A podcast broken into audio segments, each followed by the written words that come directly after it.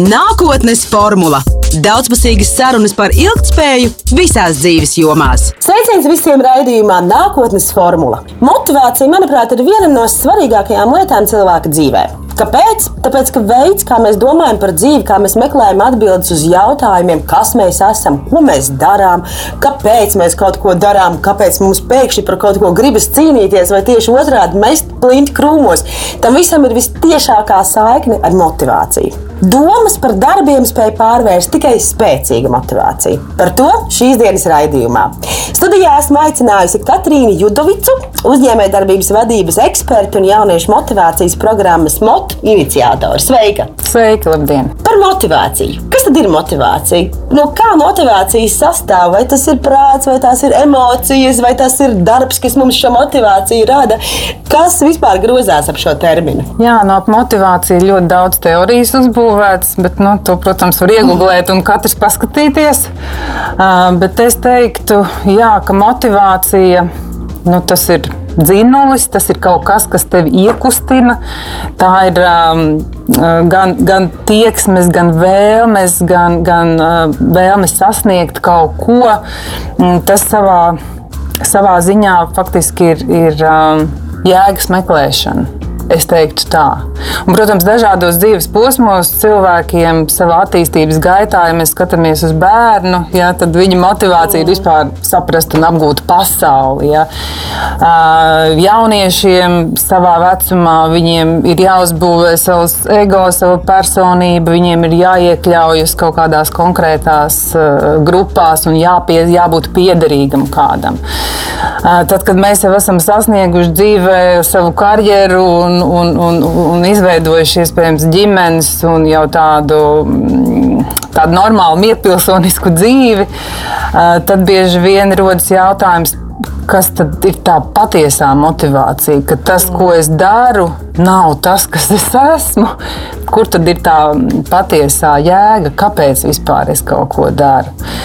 Tā kā es teiktu, dažādos dzīves posmos, dažādi tie dzinuļi, Un, ja mēs skatāmies nu, klasisko maslo piramīdu, ko zina visi, jā, tad, protams, ir tie pamati fizioloģiskās vajadzības un drošība. Bet jo augstāk mēs hierarhijā ejam, jo, jo vairāk, protams, mēs domājam par to, ka mēs esam ne tikai kā savas individuālās vajadzības apmierināt, kā mēs kā indivīds iekļaujamies sabiedrībā, savos mazajos kolektīvos. Un tad mēs domājam par varbūt arī kaut kādām augstākām pašizpausmes un, un, un arī garīgām dimensijām, kā es, kāpēc esmu šīs pasaules, kas ir tas, ko es varu dot šai pasaulē. Tā kā ļoti daudz šķautņains tas jautājums, un ja es tā reducētu uz pavisam, visam tādu uh, vienu savu atziņu. Es teiktu, ka mēs visi kā cilvēki pēc būtības meklējam nu, tādu prieku dzīvē. Mēs taču visi gribam būt laimīgi, vienkārši laimīgi cilvēki. Un to laimi noformulēt, kas ir laime, ir ļoti grūti. Uh, bet tas prieks uh, bieži vien nu, tajās dzīves pirmajā posmā mēs meklējam to prieku un apliecinājumu kaut kādos ārējos faktoros. Jā. Ja mans augums būs gana slaids, tad es patikšu, vai ja man būs tā jaunā kleita vai kurpes, tad viss būs forši, vai es mācīšos tajā prestižajā augstskolā, ko man vecāki man izvēlējušies, tad es būšu baigas picējas vadītājs. Ja. Um, bet ar laiku tu saproti, ka tā, nu, tā dzīve tev mētā.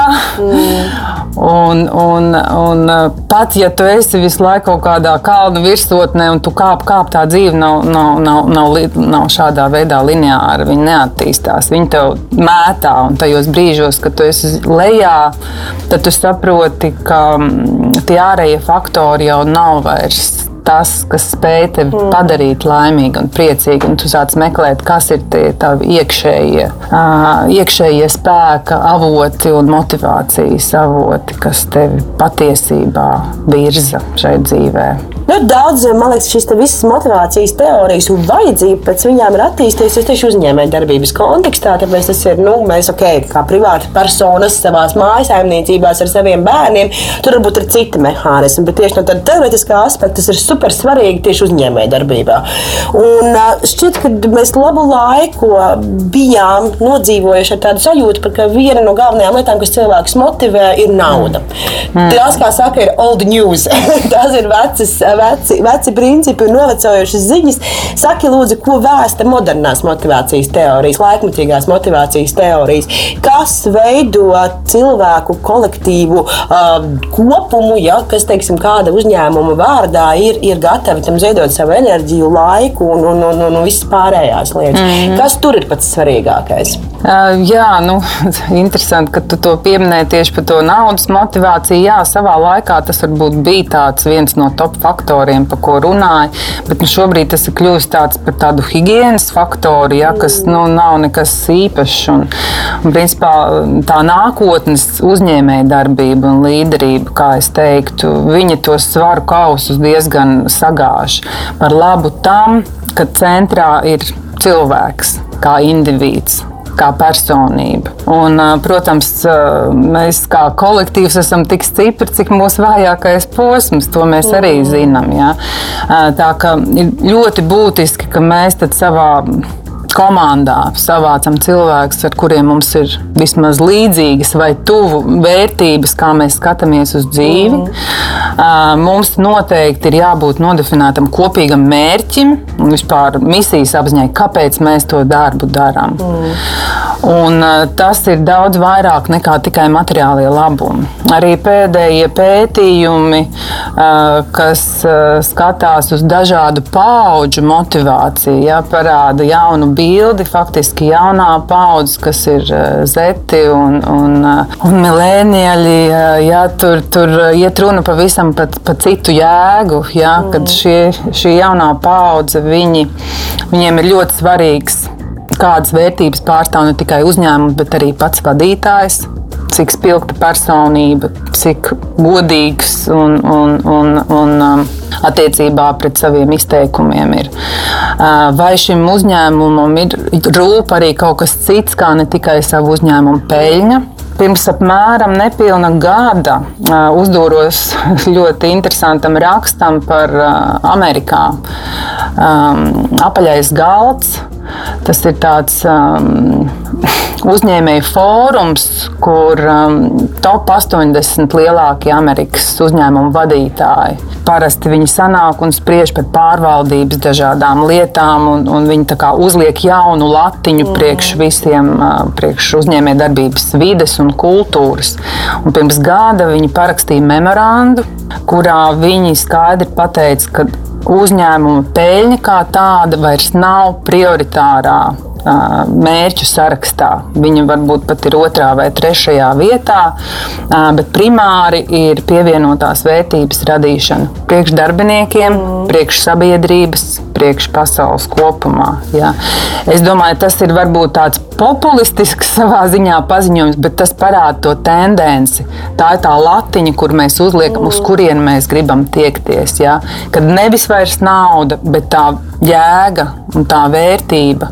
Um, es domāju, tas spiediens ir bijis ārkārtīgi liels. Un, un gan Amerikā, gan mēs te vērojam visā pasaulē, ja, no jaunās paudzes Zviedrijas grēta, jā, un, un, un, un, un mūsu pasaules dabas resursu izmantošanas jautājumu, cik atbildīgi mēs esam katrs kā pilsonis, katrs kā uzņēmums, jā, un lielās ražojošās industrijās tas ir īpaši aktuāli. Tā, tas ir interesanti, ko notiek. Tas ir interesanti, ko tu saki, jo arī Pasaules ekonomikas formā viena no, no kur principā nu, pulcējas pasaules vadošie līderi, kas, kā saka, vada lielākos pasaules pasaules uzņēmumus un ir atbildīgi par lielākajām pasaules, pasaules naudas plūsmām, kur līdz šim vienmēr arī ir dominējis tas ekonomiskais labums un tā pievienotās vērtības radīšana tādā ļoti klasiskā, naudiskā mm -hmm. izteiksmē. Tad par ko runāja pēdējā formā? Par ilgspēju par klimatu pārmaiņām, par cilvēkiem, par mentālās veselības izaicinājumiem, vispārējo par rūpēm par saviem darbiniekiem, lai, mm. lai, viņi, mm. lai viņi būtu pēc iespējas ilgspējīgāki mm. savos, savā spējā strādāt un, mm. un, un, un veltīt savu laiku uzņēmumiem. Līdz ar to tas, tas, tas viennozīmīgi tas, tās pārmaiņas, pārmaiņas notiek. Un pat tad, ja viņas nenotiek, varbūt tās tavā konkrētā uzņēmumā vai varbūt nav tavā draugu lokā, man šeit pareizi tomēr skatīties uz lielajiem procesiem. Jo, ja pasaules bagātākie mm. cilvēki saka to, ka ir jāpadomā par ilgspēju un par mentālo veselību, tad šķiet, ka tas varētu attiekties tomēr uz, tādiem, uz tādām pamatnostādnēm par to, kas tagad ir aktuāli, par ko ir jā, jādomā. Saka, lūdzu, kā ir ar īstermiņa motivāciju un ilgtermiņa motivāciju? Tāpēc, ka kampaņu veidīgi cilvēks spēj diezgan labi akumulēt enerģiju, Kā mēs zinām, slavenie labie piemēri ar visām jaunā gada apņemšanās lietām, ja mums tagad tuvojas jauns gads, un janvārī mēs visi sāksim ar diētām un sportu, un, un vairāk laika veltīsim sev, un mazāk strādāsim, un visu kaut ko citu labu ieviesīsim. Nu, statistika, diemžēl, ir skumja. Uh, nezinu, mēnesis, divi, trīs, mēs visi noplīstam. Kas ir teiksim, tā ilgtermiņa motivācijas atslēga, lai mēs motivāciju padarām par savu ikdienu un īstenībā par daļu no sava dzīves stila, par daļu no savas būtības. Nevis tikai un vienīgi, kā saka, kampaņveidīgi saņemamies, un tad īstenībā kaut kādos brīžos mēs pēc tam nokrītam vēl zemākā bedrē nekā pirms tam. Jā, es jau nedaudz pieskāros tam, ka nu, mēs, mūsu dzīve ir tādos viļņos. Mm. Jā, nu, būtu naivi domāt, ka mēs varam sasniegt uh, kaut kādu tādu līmeni savā izaugsmē, ka mēs visu laiku superīgi jūtamies un viss mums baigi rulē. Ja kāds tā saka, tad tas, nu, tā ir tāda ārējā izpausme un, vienkārši maska, ko cilvēks uzliek. Tas ir normāli, kad mēs esam augšā un mēs esam arī lejā. Un kā mēs um, motu programmā jauniešiem mācām, it's ok, not to be ok. Mm. Nu, tas ir normāli, ja tu jūties uh, sašķelcis un kad ja tava motivācija ir lejā, bet mēs tāpat laikā arī dodam nu, tādus instrumentus, kādā veidā šo savu iekšējo spēku nu, uzskačāt savā ziņā. Jo es domāju, ka tāpat kā mēs uh, savu fizisko ķermeni rūpējamies, tāpat arī par savu emocionālo būšanu un iekšējo motivāciju mūsu nu, pienākums ir, ir parūpēt darboties. Un, nu, tie ir ļoti vienkārši tādi instrumenti, ja, un jautājumi, uz kuriem tev nu, pašam sev jāatbild. Un, un varbūt ka forši, ka tu vari draugu lokā par to padiskutēt mm. vai savā ģimenē. Bet nu, viss sāks kaut vai ar to, kāpēc es mostos no rīta ar prieku. Kas ir tas, kas man izvelk ārā no gultas? Ja?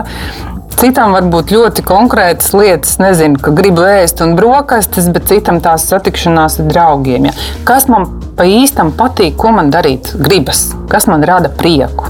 Kādi mājdzīvnieki man patīk, vai arī kādas nodarbes, kuras uh, es veicu, vai, vai, vai es esmu no tām varbūt atteicies, tāpēc ka man nav laika, man ir tik daudz vis kaut kas cits jāizdara. Ja. Uh, kas man dod enerģiju? Kas ir tie cilvēki, kas mani uzlādē, kas mani mm. iedvesmo, kas ir ne, tāds papildus degviela tavā dzīvē un papildus motivācija. Nevis tie, kas tevi grauj un kritizē nepārtraukti. Mēs viens no tādiem populārākajiem, var teikt, un, un, un interesantākajiem salīdzinājumiem varbūt ir lukturīts. Mēs runājam par lukturīti, kad, teiksim, nu, ieejot kādā graustā vai, vai, vai istabā, kas ir pilna ar krāmiem, nolaista, depresīva. Ja? Um, tu vienmēr vari atrast kādu objektu vai vietu, kur uzspīdināt lukturīti un varbūt atrast kādu brīnišķīgu fotoattēlu, kas karājas pie sienas. Un jautājums, kur ir tavs fokus? Ja tu mm. fokusēsies uz visu to nekārtību, kas ir apkārt, tad, protams, tava motivācija būs lejā un tava iekšējā sajūta. Bet, ja tu spēj noturēt fokusu, un vienmēr ir labās lietas, uz ko savā dzīvē fokusēties, ja mēs gal galā katru rītu pamostamies, mēs esam dzīvi, ja? mm. mums ir māja, kur dzīvot lielākajai daļai. Ja? Un, ja mums ir ko ēst katru dienu, un mums vēl ir bankas karte, nu, tad mēs vispār esam ļoti privileģēti cilvēki. Ja? Tā kā šo lukturīti tu vari pavērst gan pret tiem ārējiem faktoriem, kas tavā dzīvē, bet kas pats būtiskākais, tu viņu pavērst vari pats pret sevi. Ja? Mm. Un es domāju, ka, ka tāda iekšējais spēks un motivācija rodas no tādas sevis iepazīšanas, tādas dziļas, patiesas iepazīšanas, no tādām godīgām atbildēm uz tiem jautājumiem, no tādas sevis apzināšanas. Ja es esmu priecīgs, es esmu priecīgs, ja es esmu dusmīgs, tad es iz, izdusmojos. Mm. Un, un, ja man nav ok, diena, es pasaku, nav ok, un, un lieciet mani mierā, un man varbūt ir jāizguļas, man varbūt jāaiziet vienai pašai uz mežu, pastaigāt, un tas ir tas, kur es akumulēju to savu spēku. Tā kā ir šīs individuālās receptes. Prakses, kuras var darīt, um, ir faktiski arī ļoti liels uh, svars tam, kādā uh, kolektīvā, kas ir tie cilvēki, kas, es, kas mēs esam ne, uh, kopā. Un, un cilvēks tomēr ir ļoti sociāla būtne. Mm. Ir labi pabūt vienam. Bet, bet tomēr mēs uzplaukstam un mēs veidojam kaut ko jaunu un īpašu tikai attiecībās ar citiem. Tā, tas attiecas gan uz ģimeni, gan draugiem, gan uz mūsu darbu kolektīviem. Jā, ja mēs spējam veidot šo stiprināt viens otru, ka mēs katrs zinām, kā mēs sevi varam stiprināt. Un, ja mēs pazīstam sevi un pazīstam savus kolēģus un spējam viņiem to degvielu iedot, nu, tad tur var notikt ļoti lielas lietas. Bet kā ar to degvielas nodošanu tiem kolēģiem? Jo nu, es saku, jā, tas, tas, tas individuālais līmenis, vai tad, ja mēs teiksim, tur divi, trīs cilvēki kādā mazā startupā vai vēl kaut kā tam līdzīga, jā, mums ir tas viens, tas, tas dzinulis, tas, tas, tas mērķis un tās sajūtas, un mēs varam, kā saka, to, to, to vilni turēt kopā divi, tā trijotā, varbūt pieciem cilvēkiem. Bet brīdī, kad mums ir nezinu, 100 cilvēki, mm -hmm. ja, 200 cilvēku kolektīvos, ja ir uzņēmumi, kuros strādā tūkstošiem cilvēku, Kas ir tie mehānismi, kā apvienot šādas grupas, kuras skaidrs, ka katra individuālā personība ir tik nenormāli mm. atšķirīga, tik ļoti atšķirīga vispār to dzīves fonu un tām sajūtām. Tev ir pieredze darbā Jā. ar lieliem kolektīviem. Izstāst, kas ir tie mehānismi, Jā. kā jūs šos, šo jomu veidojat? Nu, jā, es varu padalīties ar Nārvisenu pieredzi, un, protams, tur tūkstošos mērām darbinieku mm. skaits. Un, un tas, tas vēlreiz tikai var atkārtoties, ka visa pamatā ir individs un individa tā vajadzība kas ir absolūti universāla. Tikt pamanītam, tikt uzklausītam, tikt novērtētam. Un arī tūkstošu cilvēku organizācija viņa sadalās mazākās apakšvienībās. Tā ka vispirms mēs nu, uzbūvējam to lielo jumtu ar vīziju, ar tām vērtībām, kuras mēs gribam pārstāvēt, ar to iekšējo kultūru, kā mēs viens ar otru gribam strādāt un, un, un ikdienā būt faktiski mēs veidojam uzticībā balstītu šo sadarbības modeli. Mm. Es patiešām ticu, ka nevis zaldātiņi, kur izpilda ļoti konkrēti norādījumus no augšas, spēj izdarīt daudz, bet tieši cilvēki, kas ir tādā kopīgā vērtību un, un misijas apziņā. Un šīs mazās struktūra vienības, es teiktu, tā, nu, vadītāji, kas ir ne tikai augstākā līmeņa vadītāji, bet nākamā līmeņa vadītāji. Ja, kad, um, uzdevums ir stiprināt tieši šos cilvēkus un stiprināt viņu spēju būt labiem vadītājiem. Jo arī pētījumi rāda, ka uh, faktiski galvenais iemesls, kāpēc cilvēks aiziet no kāda darba, mm. ir tieši vadītājs. Vai arī iemesls, kāpēc pietiekami ilgi turās mm. pie, pie amata. Tā ka tajā sarakstās ar atalgojumu, vai karjeras iespējām, vai, vai darba jēgu kā tādu un patikšanu, faktiski ar vien augstāku es teiktu, numur viens tas ir vadītājs, un numur divi tas ir attiecības kolektīvā. Mm. Un šie divi faktori var, var ļoti būtiski ietekmēt to motivāciju.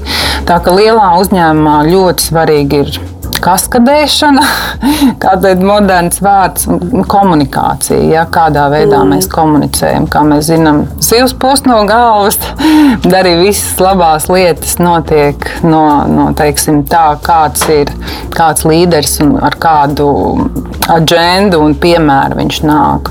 Un tas pats sliktākais, kas var notikt, ka uz papīra vai runās, tu stāsti vienu, bet tad tu dzīvē dzīvo pavisam citu dzīvi. Ja?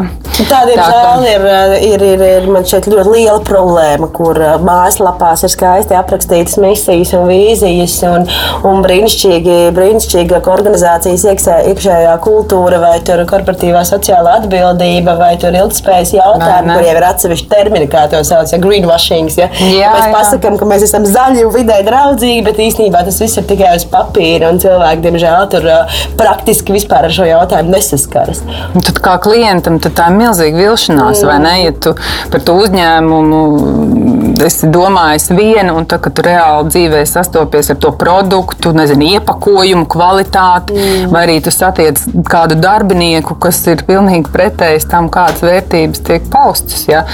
Tā, tas, ko mēs ļoti daudz savā laikā veltījām, un joprojām Narvisen to dara, mēs daudz runājam par to ko tieši nozīmē, mm. ka klients ir vērtība vai ka ilgspēja ir, ir, ir mūsu uzdevums. Ko tieši tas nozīmē man, kā darbiniekam, kā individuāli, man tieši konkrēti. Mm. Kā tas izpaužas manā darbā, manā dzīvē.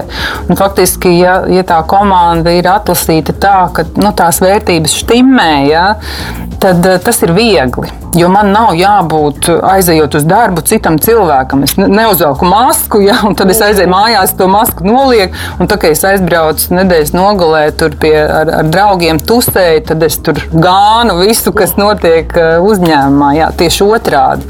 Es 24 stundas diennaktī dzīvoju, jo tas priekš manis ir tik organiski. Nu, tas ir tas ideālais. Uh, ideālais, protams, uzstādījums, kā tam vajadzētu būt. Bet nu, mēs katrs esam cilvēks ar, ar savu dzīves stāstu, un savu pieeju un savu interpretāciju arī katrai vērtībai. Par šo jautājumu ļoti, man liekas, viedokļi mīs un atšķiras no dažādiem vadītājiem un no dažādiem cilvēkiem, kas attiecīgi ved savu praktisko dzīvi, bet nodalīt savu privāto dzīvi no darba dzīves un vispār dzīvi sadalīt. Kāda tev ir tā sajūta? Vai mums ir jābūt tajā privātajā telpā un darba telpā, vai kā tu saki, 24, 7, tu esi daļa no tā, ko tu dari? Kāda ir tā tava pieredze, varbūt tās mm. tava sajūta par to, vai mums ir jābūt mājām un darbam, un, un, un darbu nevajag nest uz mājām, vai, vai tas ir ok, ka darbs ir arī daļa no mūsu pārliecības? Es sadalītu to divās daļās. Viens ir, kas ir. Nu, profesionāls darbs, kas ir jāizdara. Um, un otrs ir šīs dzīves, personīgās dzīves un, un, un darba līdzsvars. Tas ir uh, un, un tas, ko es runāju par vērtībām, kuras mm. tu dzīvo arī savā dzīvē. Nu, protams, ideāli priekš īpašniekiem, ja es kā darbinieks es sadodu sev pilnīgi visu un, un ziedoju visu savu dzīvi un darbojos kā pats īpašnieks, kā es būtu. Ja? Uh, bet es domāju, ka ka esmu arī redzējis, ka bieži vien tas noved pie tāda iz, liela izdegšanas mm. uh, sindroma. Un, un, un, un es domāju, ka tas Life and work balance, jā, tas ir ļoti, ļoti liels topiks šobrīd.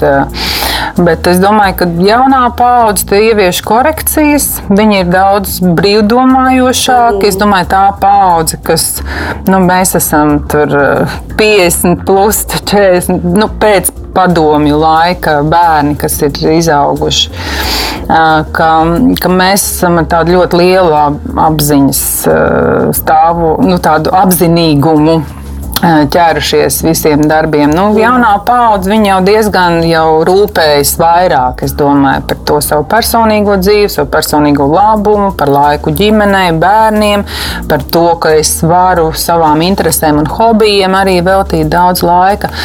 Tā kā nu, viens kas profesionāli darbs ir jāizdara, mm. tur vispār nav jautājumu. Bet es noteikti neesmu par to, lai darbu nestu uz mājām vai strādātu mm. ārkārtīgi garas stundas vai brīvdienas. Ilgtermiņā tas ir ļoti graujoši, jo tas grauj gan motivāciju, gan fizisko vispār uh, spēju. Uh, bet kas attiecas uz, uz tām vērtībām, kā tu dzīvo un, un, un ko tu pārstāvi, ja? mm. tur ir baigi grūti. Vienkārši domāju, ka katram tam cilvēkam ir grūti, ja tev ir jā, nu, tā, tā savu personību jāsadala divās daļās. Vienā, kur nu, es tēloju, ka es esmu piederīgs nu, tam, tam kolektīvam, un otrs, ja man tas pilnīgi uh, neatbilst. Um, manam tam iekšējam stāvoklim, ka es eh, šajā spriedzē ilgi domāju, ka nevar dzīvot. Un es faktiski saviem darbiniekiem diezgan bieži atklāti teicu, ja jums nepatīk mm. tas, ko jūs darat, jūs labāk ejiet un sameklējiet darbu, kas jums tiešām iet pie sirds. Mm. Es to nu, nu, tiešām novēlu katram tā godīgi, ik pa brīdim sev uzdot to jautājumu, kāpēc esmu tieši šai uzņēmumā, vai tas, ko es daru, man nes prieku. Jo tikai tad, ja, ja mēs strādājam ar prieku, tas, tas vairo milzīgu enerģiju un jaudu, ja, un šī jauda akumulējas. Ka, tikai tad, kad, kad šis prieks ir tāds, tā tāds infekcijos, pozitīvā nozīmē, un ka šis, šī enerģija, kas vairojas, viņa pielīp gan partneriem, gan cilvēkiem, ar ko tu strādā, un tas rada milzīgu pievienoto vērtību uzņēmumam kā tādam. Un otrādi, jā, ja, ja, ja tur ir, kā mēs zinām, par tiem darba pilieniem, jā, jā, tas, tas var ļoti, ļoti, ļoti sabojāt gan kolektīvu. Kā tu vērtē situāciju spējas. Latvijā? Es domāju, ka mēs tam ļoti kritiski. Un es domāju, ka tas, ko caur motiešu jauniešiem, kāpēc es ļoti ticu, ka tā paudze spēs mm. mainīt uz, uz labu, ka nu, ka nu, mēs mācām to pozitīvo degvielu dot. Es domāju, arī cilvēks kā cilvēks kā tāda dieva radība, nu, mēs diemžēl redzam vairāk to kritisko, kas nav ok, un mums ir tendence pasūdzēties un pasūkstēties par to dzīvi. Un, un ir reti varbūt tādi dabas bērni, kas. Tā nav, tā nav tāda sajūta, ka mēs, mums ir bijis tāds cietējuši sindroms. Kaut kādā ziņā tas latviešu gūst tādu mērenu kaifu no tā, ka ir tāds lomā mēs, jā, un, un, un, protams, arī, nu, ja past, pastamies kaut vai mūsu tautas tautas dziesmās mm. ļoti daudz ir šis sēru raudulīgais un, un grūtais Smagais darbs, darbs, kas jā. ir jāiegūda, lai tu būtu vispār laimīgs, priecīgs dzīvē. Bet nu, tā mm. nebūtu nav. Jā.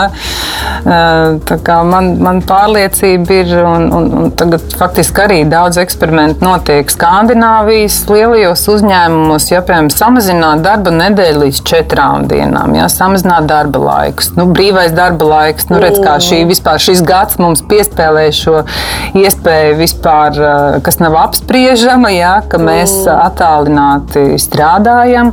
Varbūt daudz uzņēmumu gadiem par to diskutēja. Un tagad bija tāds vienkārši jā, jādara. tagad ir jādara, bet, bet es uzskatu, ka tā bija tāda, nu jā, uzticības trūkums vis, mm. visīstākā mērā. Kā es nokontrolēšu, vai tas darbinieks izdarīs to darbu vai neizdarīs. Jāpārstruktūrējas eh, tev kā vadītājam, lai tu mm, spētu strādāt tādā tālākā režīmā. Kāda ir motivācijas sēkne ar drosmi? Tur noteikti ir saikne, bet es tur neliktu vienādības zīmi, es tur liktu pluszīmi, lai vispār kaut kas notiktu. Jo tā drosme jau nodrošina to rīcību. Mm. Tev var būt super motivācija, kā pateicis, no 1. janvāra. Jā, tā kā ēdīšu to vai nēdīšu to, vai, vai sportošu, vai atmetīšu kādus uh, ieradumus. Um, tas nolūks var būt ļoti labs, bet, ja tam nesako rīcība, nu, tad tas čiks vien ir. Un, faktiski drosme, es teiktu, ir viena no tādu cilvēku pamatīpašībām, kas to drāvu un virzību patiešām nodrošina uz konkrētu mērķu, uz konkrētu rīcību vērstu. Drosme ir um, faktiski tas komponents, ko es liktu kopā arī ar to sevis pazīšanu un apzināšanos. Ja? Jo, ja ir vienkārši drosmīgs cilvēks, un ar motivāciju, kas ir graujoša priekš sabiedrības, piemēram, jā, nu, tas ir ļoti bīstami. Mēs nu, tādus piemērus arī vēsturē varam atrast. Tas var būt graujoši arī priekš tevis paša. Tā ka drosme bez tās dziļās mm, izpratnes, ka es nevis vienkārši eju un lecu no kraujas lejā. Ja? Bet eh, ka es, piemēram, redzu, ka manā uzņēmumā ar teiksim, ilgspējas. Viņi tikai runā, bet īstenībā neko nedara. Vai es esmu gan drosmīgs pateikt to skaļi, vai es esmu gan drosmīgs uh, uzlikt galdā nepatīkamu tēmu vai kritiku vadībai, piemēram. Vai es esmu gan drosmīgs, uh, nevis tur tikai internetā anonīmi uzrakstīt kaut ko, bet skaļi pateikt savu viedokli par, uh, par politiķiem vai cilvēkiem, kas ir, mm, kas ir svarīgi publiski varbūt. Jā. Nu, mēs esam drosmīgi tādās virtuves sarunās, varbūt ar draugiem. Un anonīmais interneta komentētājs ir vienkārši super varonis. Jā, bet vai, vai tu esi gana drosmīgs, tad nu, atklāt savu mm. seju, atklāt sevi, atklāt savu patieso motivāciju un, un, un, un ko tu domā. Man liekas, ka mums kā sabiedrībai būtu ļoti vērtīgi tādas veselīgas sarunas.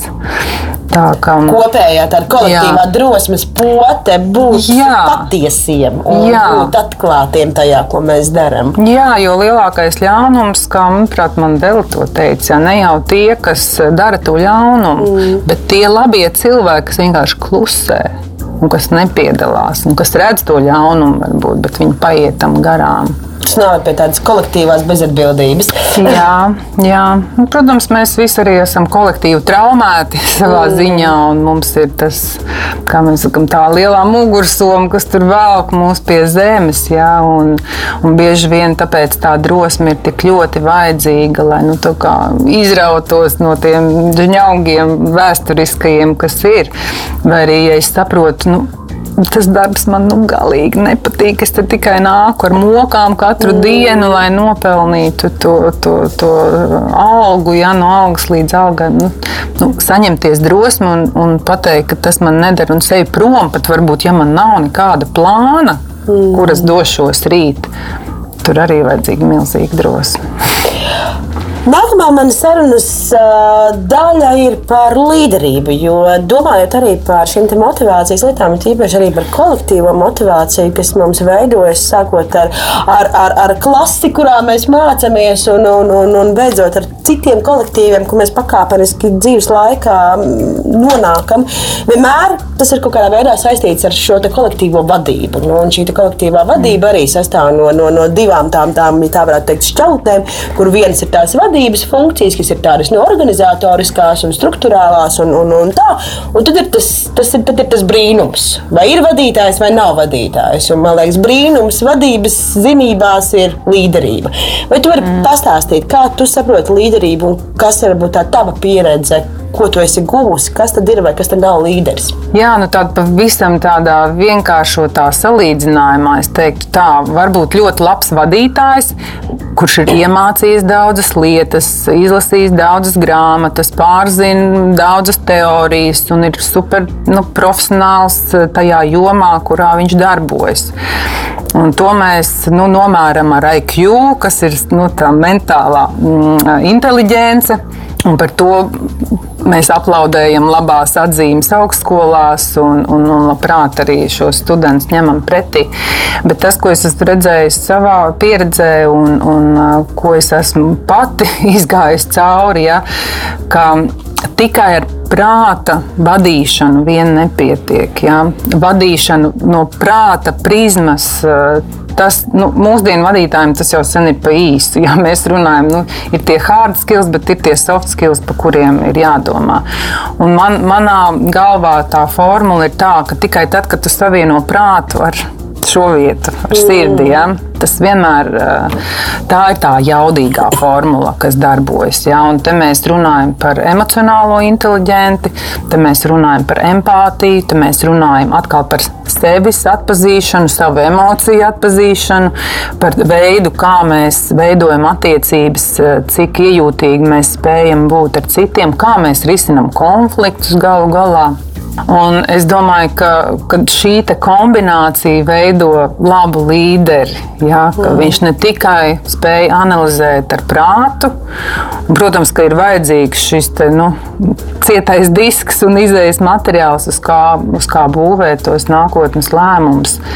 Bet labs līderis bez, bez sirds, es, es to nevaru iedomāties. Un, mēs jau nedaudz ar tevi runājam par tām iedzimtajām īpašībām, kam, kam būtu jāpiemīt. Un, un, protams, es teiktu, nu, lielie līderi, nu, tie ir dzimuši un, un, un varbūt pat no savām kaut kādām sāpīgām bērnības un ģimenes pieredzēm veidojušies kā tādi potenciāli līderi, jo iespējams viņiem bija jāpierāda sava vieta dzīvē, sava mm. vieta ģimenē, varbūt ir bijuši tāda liela mm, spriedze un, un, un konkurences cīņa, kas, kas, kas ir jāizcīna.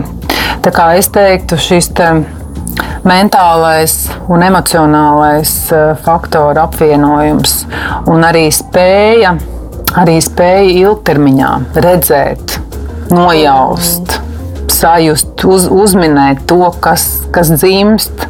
Kas, eh, kas var veidoties? Es domāju, tas līdzīgi kā Helmuts Balders, ja, kā viņš hokeja, kāpēc bija tik izcils. Viņš zināja, kur tā ripa būs. Un viņš bija tur jau, kad pārējie vēl tikai domāja. Tā kā nevis sekot ripai, mm. bet paredzēt, kur tā ripa jau būs. Un, eh, un šeit bez tāda nu, iekšēji talanti un harizmas varbūt ir grūti un, un, un arī grūti apvienot cilvēkus, kas. Um, kas spētu tās tavas vīzijas realizēt. Mm. Es domāju, ka labs līderis ir kā tāds karognesējs, ja, kas var izvilkt karogu augstu mastā un, un, un iet uz priekšu un rādīt to ceļu un uh, iedvesmot citus. Bet, um, Es, es vēlreiz atkārtošos, ka tas ir ļoti lielā mērā atkarīgs no iekšējiem procesiem, no tavas spējas um, nevis tikai nu, reaktīvi reaģēt mm. uz lietām, um, bet tā patiešām sajust, kas dzimst, kas rodas. Bet tā, tas ir interesanti, ka, manuprāt, teiksim, tādas varbūt tās vadzenības un vadība tādā klasiskā izpratnē ļoti, ļoti, ļoti uh, darbina to racionālo smadzeņu pusi. Nu, kur, kā saka, mums ir cilvēks, kurš ir perfekts Excelī, perfekts visās menedžmenta teorijās un visādi citādi māks struktūrēt, organizēt, vadīt, plānot un, un veikt šīs visas funkcijas.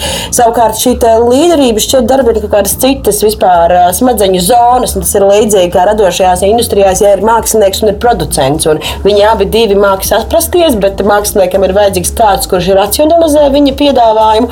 Un savukārt, savukārt producents iespējams nav tas, kurš var noķert kaut ko gaisā tādu, lai piedzimtu tās lietas.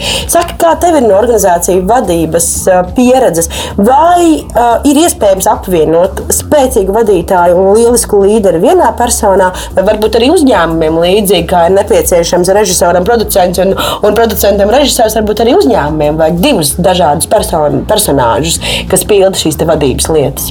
Es teiktu tā, ka tie svaru kausi novirzās vairāk par labu um, līderim, kas ir izcils cilvēku vadītājs un kas ir izcils stratēģis.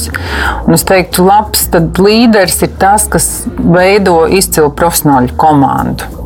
Jo līderim, kā vadītājam, viņam nav jāpārzina perfekti katra funkcija, katra joma, kas ir uzņēmumā. Nu, es vienmēr man ir paticis eh, strādāt komandā ar profesionāļiem, kas ir stiprāki, spēcīgāki par, par mani. Mm. Vai tas ir mārketings, vai pārdošana, vai, vai personāla vadība. Ja, man ir manas jomas, kas ir manas, varbūt, eh, mani talanti, bet principā nav jābaidās no spēcīgiem top līderiem, kas ir stiprāki par tevi. Tieši otrādi - jāpievilina tādi. Eh, tāpēc es teiktu, ka eh, jā, nākotnes līderis tas ir tas, kurš spējīgs iedot virzienu un apvienot tajā komandā tādus cilvēkus, kas uh, spēj ar savu rīcību to, to vīziju realizēt. Līderības arī tā tām prasmēm un līderības, nezinu, sauksim to par, par zinātni vai par skolu. Ja ir arī dažādi virzieni, dažādas teorijas, tieši tāpat kā motivācija, ļoti populāra lieta un tēma. Bet tur ir, ja, ja par motivāciju mums nav tā ēnas puse tik izteikti runājot par līderību, ir. Kur ir, kā saka, es kā reize pirms daudziem gadiem mācoties arī personības psiholoģiju, tur bija vesels bloks par, par metodēm un tehnikām, kas tiek mācītas līderības akadēmijās. Arī mums ir baumas, klīduši, nu, jāatzīst, mums baumu līmenī par dažiem mūsu valsts, kā saka, vadības līmeņa cilvēkiem un, un izbijušiem politiķiem, kas ir izgājuši savdabīgas skolas, visas saistītas ar šo līderību un vispārējo. Bet var iezīmēt šo ēnas pusi, šos riskus un kur tas, ko māca līderība, kļūst varbūt zināmā mērā bīstams jau daudz plašākā mērogā. Tu domā mm, personīgās ēnas puses? Skolas ēnas Vai? puses, nu, teiksim, runājot par, par, par dažādām tādām specifiskām pieredzēm, saku, es, man, man, man, nu, mums eh, skolā tās sauc par līderības akadēmijām, jā, viņas ir dažādas, gan Latvijā ir bijušas dažādas skolas, gan arī ārzemēs, un, un, un, un nu, kur attiecīgi no cilvēkiem veido, veido tādus nu, autoritīvus, ļoti, ļoti agresīvus cilvēkus, manipulējošus un kontrolējošus līderus, tad balstoties mūsu vēsturiskajā pieredzē ar dažiem cilvēkiem, kur ar savām izcilajām līderu prasmēm sasniedz nebūtu tos labākos rezultātus. Liek piebilst, ka bieži vien ļoti traģiskus un destruktīvus rezultātus, tad mācoties no šiem līderiem ir atvasinātas skolas, kur tad it kā mm. cilvēkiem mēģina izcelt nevis to empātisko, pozitīvo, harizmātisko pusi, par kuru tu saki, bet tad mm. ir tā otra puse, kas ir tā manipulatīvā, tā kontrolējošā, tā bieži vien pat hipnotizējošā, ja kas var vienkārši cilvēku masas noķert. Bet tu vari izstāstīt par tiem mehānismiem un tām lietām, kuras saku, mēs no tās pozitīvās, empātiskās un iedvesmojošās līderības nonākam līdz iespējams ļoti, ļoti potenciāli pat traģiskiem, traģiskiem scenārijiem, gan mazos kolektīvos, gan arī daudz plašākā mērogā. Nu jā, man par laimi nav sanācis tādā vidē strādāt. Bet es esmu vērojusi jā, uzņēmumus, kuros ļoti apzināti šīs kopīgās vērtības un kultūra tiek balstīta uz bailēm, uz pakļaušanos, uz manipulāciju. Un tā ir bijusi ļoti apzināta īpašnieku stratēģija. Jo tas ir veids, kā viņu prāt, un katram īpašniekam ir saka, tiesības izvēlēties to veidu, kā viņi strādā. Tā ka ļoti apzināti, tīši prāt, turēt zemes izmaksas, kas bieži vien uh, lielu paklausību uh, no darbiniekiem. Mm. Bet uh, es, es teiktu, tas ir, tā ir tāda bumba ar laika degli. Mm. Es domāju, ka īstermiņā tas var strādāt. Tas var sniegt lielu pievienoto vērtību īpašniekiem un, un peļņu, bet es domāju, ka tas vienā brīdī tiešām var, var sprāgt. Un, un tas, ko mēs redzam, gan no tā, ka nu, ka mēs kā sabiedrība, arī jaunākā paudze, kas tagad ieiet darba tirgū, ka viņi nesamierinās ar to. Es domāju, tas, ko mēs redzam, cik um, atvērti mēs kļūstam mēdīju ziņā, ja tu neko vairs nevari noslēpt. Faktiski es varu nofilmēt jebkuru situāciju eh, darba vietā, eh, vai, vai attiecībās ar klientu, vai attiecībās ar vadību. Un, uh, tas kļūst redzams publiski dažu sekundžu laikā. Es domāju, tas veicina to, ka ilgtermiņā tas ir mana, mana pārliecība, ka tas mm. ilgtermiņā nevar strādāt. Tas strādā tikai un vienīgi līdz brīdim, kamēr tu spēj cilvēkiem iedvest bailes. Nu, tā, kas man šeit ir tāds ļoti, ļoti spēcīgs instruments, ko teiksim, attīstot ļoti augstas šīs līderības prasmes, tādā negatīvā virzienā, ko Jā. tu vari izdarīt ar savu personības to vēstījumu un to, to, to harizmu un to jaudu, ko tie cilvēki. Parasti ir tā, nu, tie ir tie frontes līnijas cilvēki tiek iebiedēti, bet tie pietuvinātie tiek baroti nu, mm. nu, pietiekami labi. Tā, tā pātaga un burkāns strādā, bet nu, tas viss ir uz tādas ļoti, ļoti smalkas robežas. Jā. Vēl viena tāda nianses saistībā ar līderību ir arī viena tādas, tādas korporatīvās kultūras un iekšējās vidas, kas ir, kas ir varbūt tās vairāk nākušas no ASV, bet, bet es zinu arī daudzus teiksim, tā, topošos vai potenciālos līderus, kas kaut kā top ieinteresēti par šīm lietām. Jo skaidrs, ka vienmēr cilvēki interesējās arī par kaut kādām radikālākām metodēm, nu, kā to spēku vairot un visām pārējām lietām. Man bija viens, viens interesants stāsts par vienu manu draugu, kas, kas strādā strādāja Google. Un, uh, viņa bija labā pozīcijā ar labu, labu, labu atalgojumu, bet tas, kas ir viņu tās korporatīvās kultūras, tas, tas lielais spēks, tas, ka šī kultūra kļūst tā tāds zirneklis, ka vienā brīdī viņi kontrolē pilnīgi visu, ko šis cilvēks dara. Un tas, ko viņi stāstīja, tas man likās vispār prātam neaptverami un vispār neticami, nu, ka tev Google ir viss. Tur ir tavi labākie draugi, tev tur ir sporta centrs. Viņi atmaksā tavu biļeti lidojumam uz Latviju, lai dāvātu tev iespēju saka, pavadīt laiku kopā ar ģimeni. Ja? Tur ir izklaides, tur ir vēl kaut kas, tur ir viss, ko tu vēlies, bet viss ir vienas mm. organizācijas ietveros. Un šī konkrētā metodoloģija, tas ir tāds uh, lielo korporatīvo mm. šo zirnekļu vadības principi, ka viņi tam cilvēkam dod pilnīgi visu, ko viņš vēlas, bet viss, absolūti viss noteikti tās korporācijas ietveros. Un principā tas paredz tādu simtprocentīgu kontroli. Un tas ļoti, ļoti interesanti, pie kā nonāca.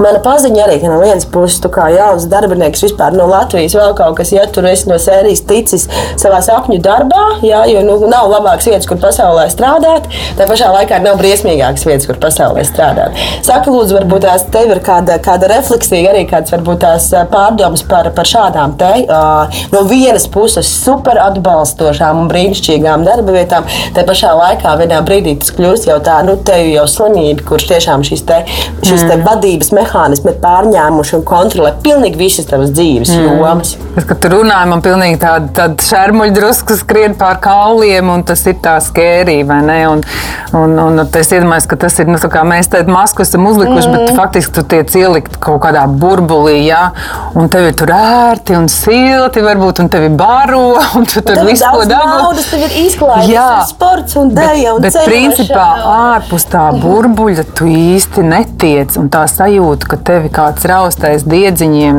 tā es domāju, ka ir bijusi mums visiem, ne tikai tiem, kas strādā Google, bet tie, kas lieto mm. arī produktus. Ja. Es domāju, šeit ir tas atslēga vārds kritiskā domāšana un, un arī. Um, protams, kā, kā darbiniekam, ja atkal atgriezties pie saknēm, pie savas būtības un pajautāt, vai tas man ir ok. Varbūt tas ir ok uz kaut kādu laiku, kamēr es veidoju savu karjeru, bet tas nav ok ilgtermiņā. To, to es kā labu pieredzi un skolu paņemu sev līdzi, bet tas arī ir viss. Um, es domāju, ka kritiskā domāšana vispār ir tāda spēja, kas būtu arī ļoti jātrenē un, un, un jaunajai paudzei, un ne tikai, bet visiem jāmāca. Um, jo tas informācijas apjoms, kas šobrīd ir, ir, ir nežēlīgi liels, jā, kā tajā neapmaldīties, nepazust. Arī, nu, ja ir darba devējs, kas šādā veidā piesola visus tos ārējos labumus, jau ļoti grūti tam, tam turēties pretī. Nu, mēs taču esam cilvēki, mums gribas labi dzīvot, vai ne? Uh, bet, protams, bēlas no tā, ka kāds cits kontrolē tavu dzīvi, nevis tu pats ka kāds cits manipulē ar tām ziņām, ko tev ieberot. Ja pietiek tev iegūglēt vienu vārdu un tev nāk gūzma ar informāciju saistībā ar to.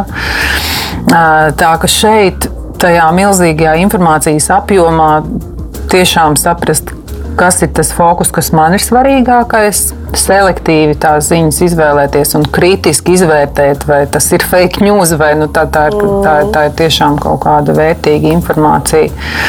Tā ka es domāju, šī spēja būs ļoti, ļoti svarīga mums kā sabiedrībai nākotnē.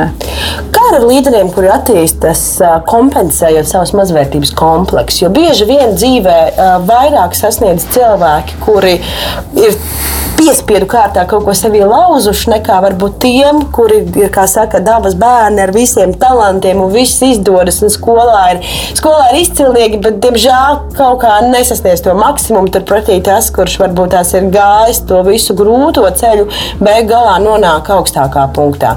Kā tu skaties uz šo mm. aspektu? Domāju, tas tā ir. Nu, arī es savā ziņā esmu tas produkts, kas izgaisa caur grūtībām un veidojas savu personību tādu, kāda viņi ir.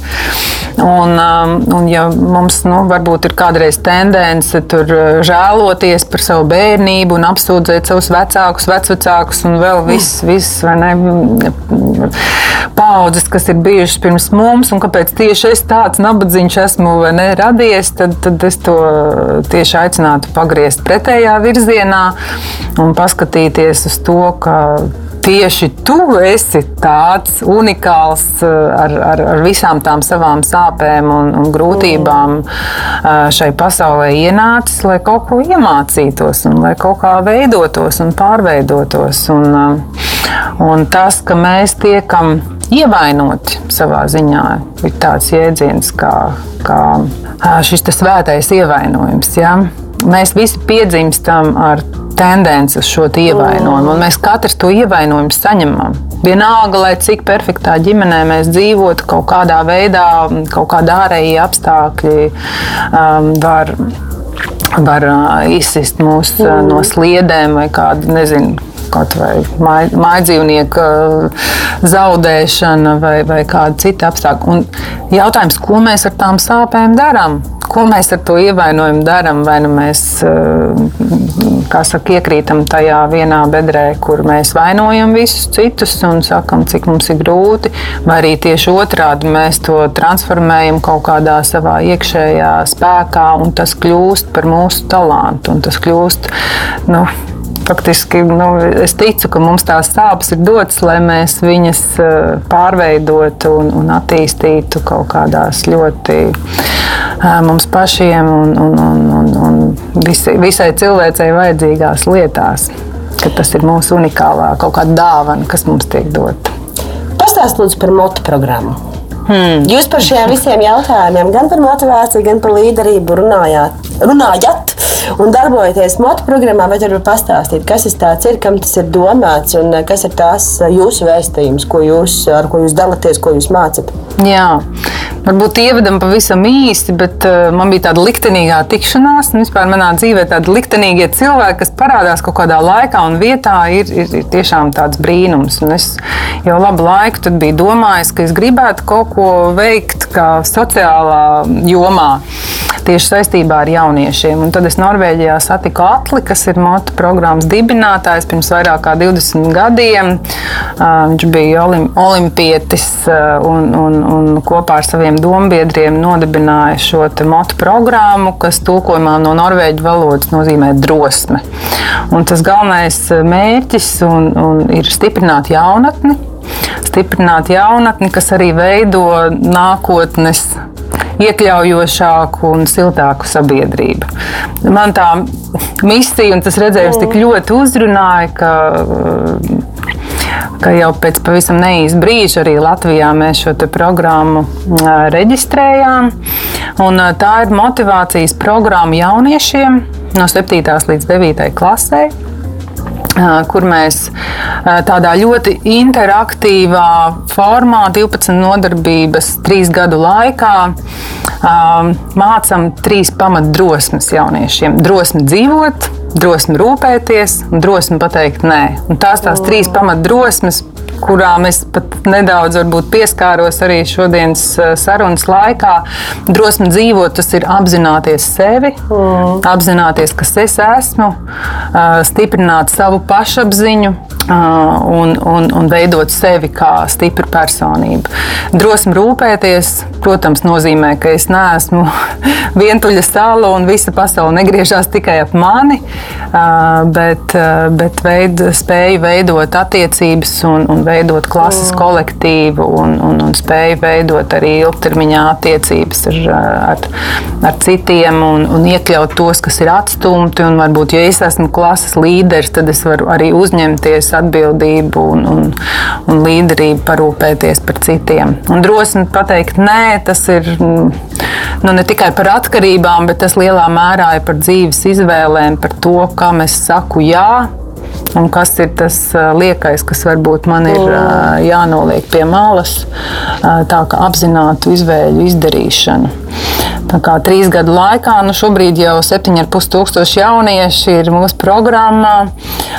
Tāds pozitīvs fenomens ir tas, ka programma strādā tikai ar brīvprātīgajiem treneriem. Šobrīd 158 treneri no dažādām biznesa jomām, mm. kas kā savu aicinājumu ir sajutuši arī veikt ieguldījumu mūsdienu mūsdienu jaunatnē. Es ticu, ka motu programmas jaunieši un jaunie motivatori, kas ir šie līderi, kas izaug no motu programmas, ka tie būs mūsu Latvijas nākotnes mm. līderi un vadītāji, kas veidos šo te, jā, iekļaujošāku sabiedrību. Kā jaunietis var kļūt par daļu no motu vai kā kāds var kļūt par daļu no treneru komandas? Oh, nu, burvīgi. Tātad, lai kļūtu par motu programmas dalībnieku, tev ir jābūt būt eh, skolniekam kādā no 40 skolām, kur eh, šobrīd moto darbojas. Mēs darbojamies tādā veidā. Jāaiziet pie sava direktora, jāpasaka.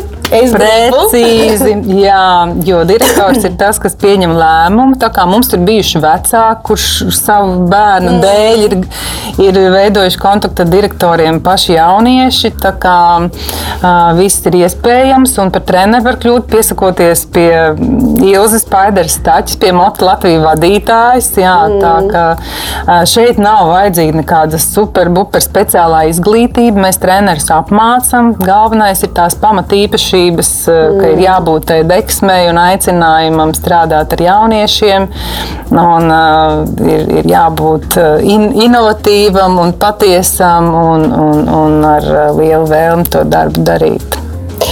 Noslēdzot mūsu sarunu, tev ir šī kompleksā, šī te, kā saka, mm, apvienoto sfēru pieredze, kur ir klasiskā uzņēmēja darbība ar nervisen, kur ir moto programma ar sociālo uzņēmēju darbību, kur ir tagad vēl pieslēgusies klāt arī uh, bērnu slimnīca. Uh, saki, lūdzu, man, es vienkārši dalos ar savām pārdomām un, un gribu zināt, ko tu par to domā. Man ir tāda sajūta par to, ka mūsdienās, zinot mūsu sabiedrības, vides uh, un visus pārējos izaicinājumus, kad vairs nebūtu jādala no parastā uzņēmējdarbība no sociālās uzņēmējdarbības. Kad brīdī, kad mēs runājam vērtību kategorijās, brīdī, kad mēs runājam tādās cilvēciskās kategorijās, brīdī, kad mēs uzņemamies atbildību par sevi, saviem lēmumiem, savu komandu un saviem produktiem, kas pēc tam nonāk pie tiem, pie tiem cilvēkiem, kas viņus lieto, tad tajā brīdī mums visiem būtu jādomā sociālās uzņēmējdarbības kategorijās. Saki, lūdzu, mm. vai tev šķiet, ka šis dalījums iztur kritiku un ir jāga to nodalīt, vai tomēr, tomēr mums ir jāmaina varbūt tās veids, kā mēs domājam par uzņēmējdarbību tādās absolūti klasiskās kategorijās? Mm. Es absolūti ar tevi esmu uz viena viļņa.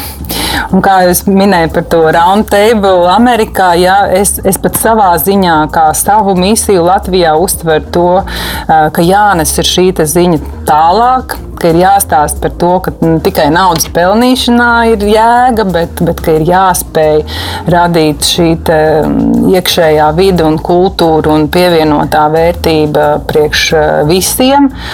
Un es domāju, ka tieši sociālā uzņēmējdarbība varētu būt kā tāds arī labs piemērs un varbūt pat dot kaut kādas zināšanas un dot kaut kādu impulsu un iedvesmu un varbūt pat mācīt savā ziņā. Klasiskos biznesus šo pamatvērtību radīšanā un kultūras veidošanā. Tā es domāju, ka tā ir mūsu nākotne absolūti un, un jau netik tālu. Paldies par šīs dienas sarunu. Pavisam, pavisam noslēdzot, šad un tad mēdzu paprasīt kādu vēlējumu jā, maniem studijas viesiem. Tā kā mums tāds svētku laiks, un novembris un valsts svētki, un mēs tā cenšamies varbūt šajā pelēkajā periodā atrast kādu gaismas stariņu, un vēl, vēl viss Covid fonā, viss pārējais tie gaismas stariņi mums ir jāmeklē. Gribu vai negribu, mums pašiem ir jārada tas, uz ko mēs tiecamies, un motivācija šajā periodā, ne tikai rudenī, ne tikai novembrī, bet arī dēļ Covid kļūst ļoti svarīga. Saki, lūdzu, kāds būtu tavs vēlējums, aicinājums vai ieteikums, kā ieraudzīt gaismu tuneļa galā? Šogad, 2020. gadā, kad par savu nākotni mēs nezinām precīzi tieši neko. es aicinu paņemt rokā lukturīti un uh, to lukturīti paspīdināt uz savu dzīvi, un jūs noteikti atradīsiet tur kaut ko skaistu un, un, un labu, un par ko priecāties. Atrodiet to ikdienas prieku arī priekš sevis, tā kā lukturītis sev. Un, uh, ja ir ļoti grūti, pavisam vienkārši ieteikums, kas strādā man un kas mani uzlādē vienmēr, aiziet pie dabas apskaujiet koku, vai noguļoties uz zemes, vai atrodat kādu krāsainu lapu. Savienojieties caur dabu arī ar, ar sevi un savu to iekšējo prieku. Tā kā es novēlu visiem prieku un es novēlu visiem apziņotību un drosmi. Paldies tev par šīs dienas sarunu! Paldies! EHR studijā viesojās Katrīna Judovica, uzņēmējdarbības vadības eksperta un jauniešu motivācijas programmas MOT iniciatori. Paldies jums un līdz nākamajai reizei! Atā! Paldies! Raidījums tapis sadarbībā ar Nacionālo elektronisko plašsaziņas līdzekļu padomi sabiedriskā pasūtījuma ietvaros.